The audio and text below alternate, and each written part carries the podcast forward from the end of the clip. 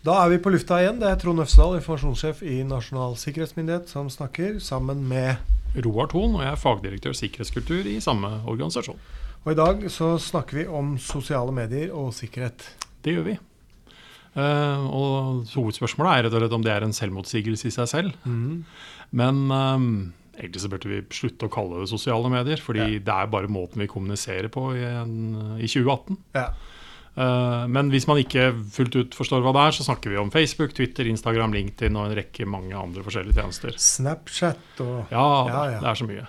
Pinterest, er det sosialt medium? Ja, man må jo si det sånn. Ja. Bruker du det? Nei. Nei. Hva bruker prøvd. du av sosiale Skjønte medier? aldri helt hva jeg skulle med det. Men jeg bruker vel eh, Facebook, som mange i min, eh, i min alderskohort. Og så er det vel eh, litt LinkedIn og Snapchat.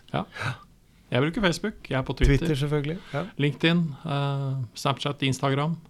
Og så er NSM, vi er sjøl på uh, Twitter og LinkedIn og informerer litt uh, om hva vi holder på med der. Ja. Så vi er på ingen måte motstandere av det vi nå skal snakke om, så det er kanskje et viktig poeng. Prøver å følge med. Vi gjør det. Ja.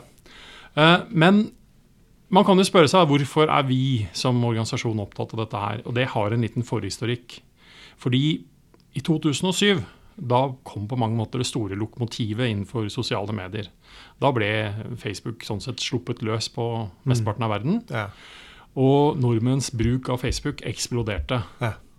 En av konsekvensene av det, det var at vi da oppdaget at eh, ansatte innenfor forsvarssektoren, justissektor, utenrikstjeneste osv. hadde tatt i bruk eh, Facebook på en måte som faktisk ga oss litt grunn til bekymring. Ja, hva, hva gjorde de da? Delte de for mye, da? Eller var, avslørte de hemmeligheter? Eller hva? De gjorde faktisk det. Okay. De avslørte rett og slett informasjon som Ja. er og var sikkerhetsgradert helt opp til det vi kaller hemmelig. Da. Okay.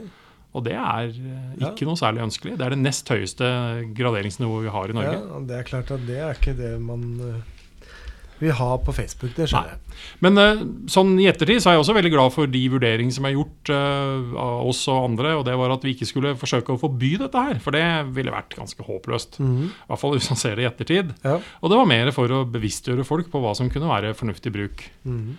uh, men jeg tror det er i hvert fall viktig å forstå at Og det er ikke alle dette nødvendigvis da vil være aktuelt for når vi snakker om dette temaet i dag, men at det utfordrer taushetsplikten vår til å rett og slett å tenke litt over hva vi snakker om. Mhm. Eh, det kan være i forhold til gradert informasjon. Men hvem er det som har taushetsplikt?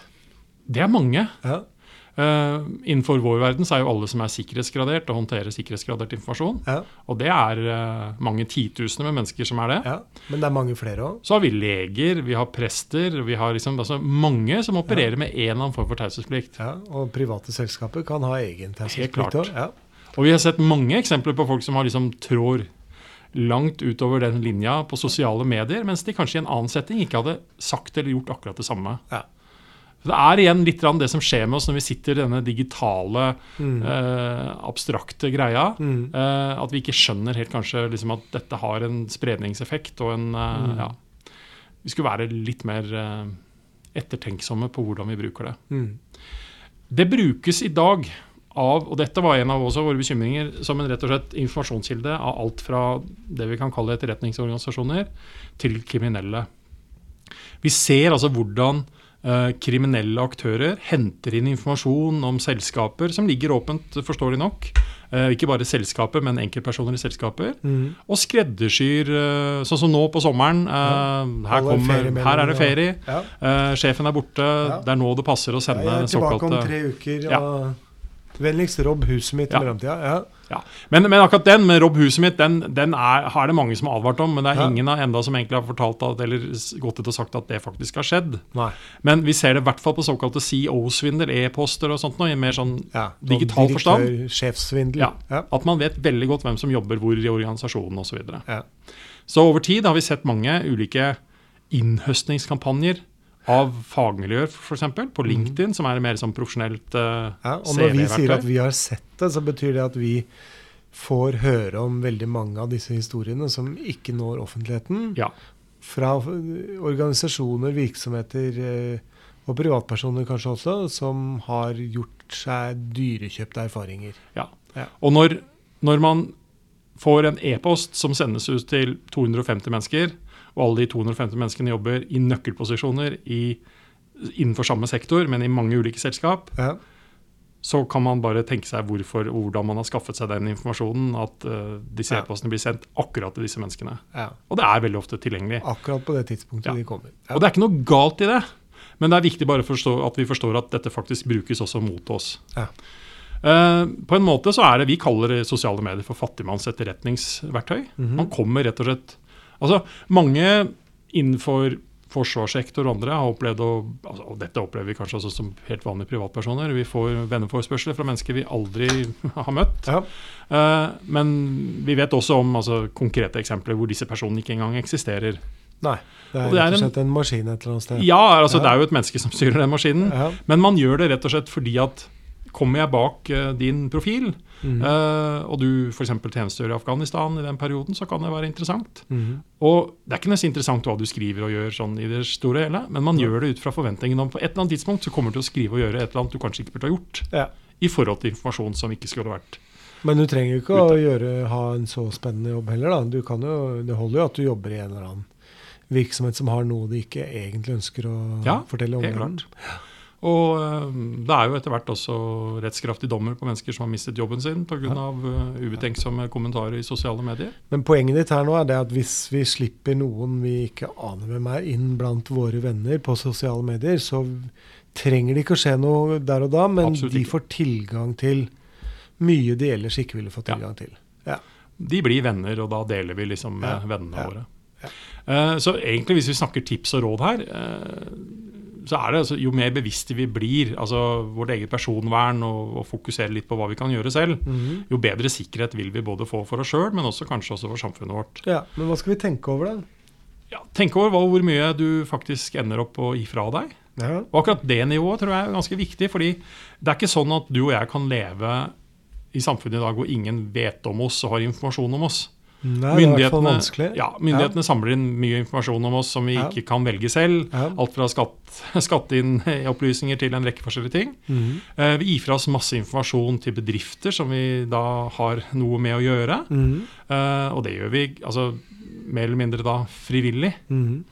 Men det sosiale medier på mange måter utfordrer oss på, det er den siste lille resten hvor vi egentlig selv kan gjøre noen valg. Ja. Og det er der den bevisstheten i forhold til hva, hva er du komfortabel med, da? Mm. Og vi kjenner alle de ikke sant, som da kanskje deler omtrent hvert eneste måltid på Ja, sosiale medier. Ja, hvert tygg Eh, og, skal på Facebook. ja, ikke sant? Ja. Og, og, og til de som da kanskje er på Facebook, eh, men som i realiteten ikke bruker det noe særlig. Mm. Og kanskje gratulerer noen med en fødselsdag en gang iblant. Ja. Og selvsagt også de menneskene som har valgt å ikke bruke det. Ja. Og ingenting av dette er galt eller riktig. Men det er altså våre egne valg her. Mm. Eh, men forstå i hvert fall at informasjon som er der, blir samla inn og kan brukes mot deg. Ja. Og at det ikke bare er i en sånn kriminell forstand, eh, også av kommersielle krefter, som selvsagt ønsker å vite mest mulig om oss for å Men det er selge bare deg det kan brukes. Det kan brukes mot andre òg, kan det ikke det? Altså, Jo, hvis altså- noen samler inn informasjon fra meg, så kan det brukes mot noen andre. indirekte, fordi at man er Det er vi ikke herover. Nei, det er vi ikke herover. Eh, så her er det en rekke ting man i hvert fall skal tenke litt over. Ville du stått på et torg og ropt ut alt det du legger på nettet? Det er kanskje et spørsmål man eh, bør stille seg. Det er den store testen. Ja.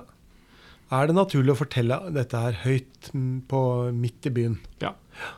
Altså, Det finnes eksempler fra media hvor sognepresten har brukt både ord og, og vendinger eh, på Facebook og andre steder Ja. som man sannsynligvis aldri ville ha sagt fra prekestolen eller på Men det blir jo ikke det samme likevel, for jeg forteller jo dette bare til de som er vennene mine. Det er bare vennene mine som får muligheten til å se det jeg legger ut. Ja, men spredningseffekten er allikevel stor. Du har venners venner, og du har i hele tatt mye, da. Ja.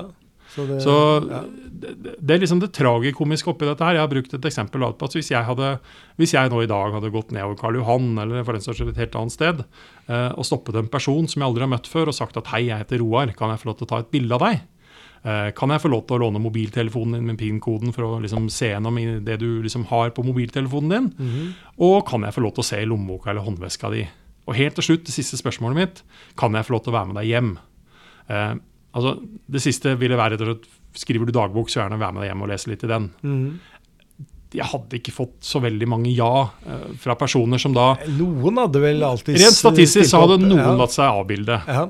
Og så hadde jeg sannsynligvis fått lov til å låne mobiltelefonen til noen, uh, fordi jeg hadde handler jo kreert en bjuda på, gjør du ikke det? ja, kanskje det spørsmålet når på kvelden jeg hadde spurt.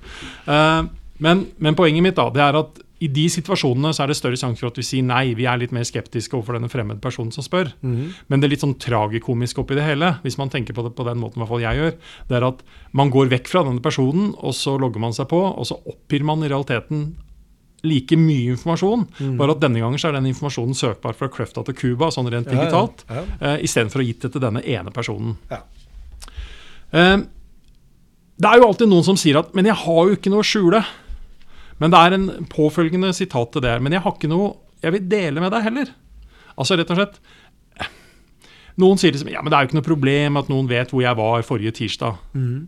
Nei, det er kanskje uproblematisk, men forstå at du bruker verktøy som fort kan brukes til å si følgende at 'jeg vet hvor du kommer til å være neste torsdag'. Okay. Sammen med hvem? Okay. Og det er kanskje ikke alle som lar seg bekymre over det heller. Selv om jeg ikke vet det selv? Selv om du kanskje ikke vet det selv, i form av hvordan man kan analysere den informasjonen Mm. og de rutinene du har.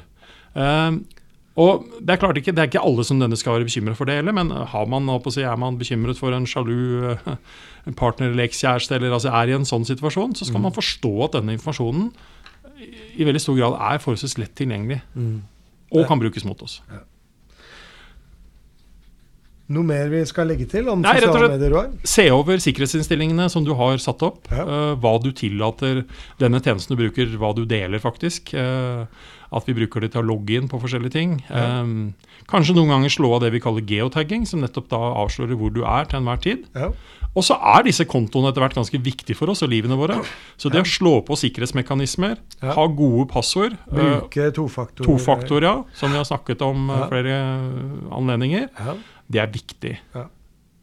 Og så kan man uh, få mange gode råd i forhold til dette på nettvett.no. Ja. Og man kan vite mer om hva vi driver med i NSM på nsm.no. ja. Så da anbefaler vi det. Det Nettvett absolutt. og NSM. Ja. Over og ut.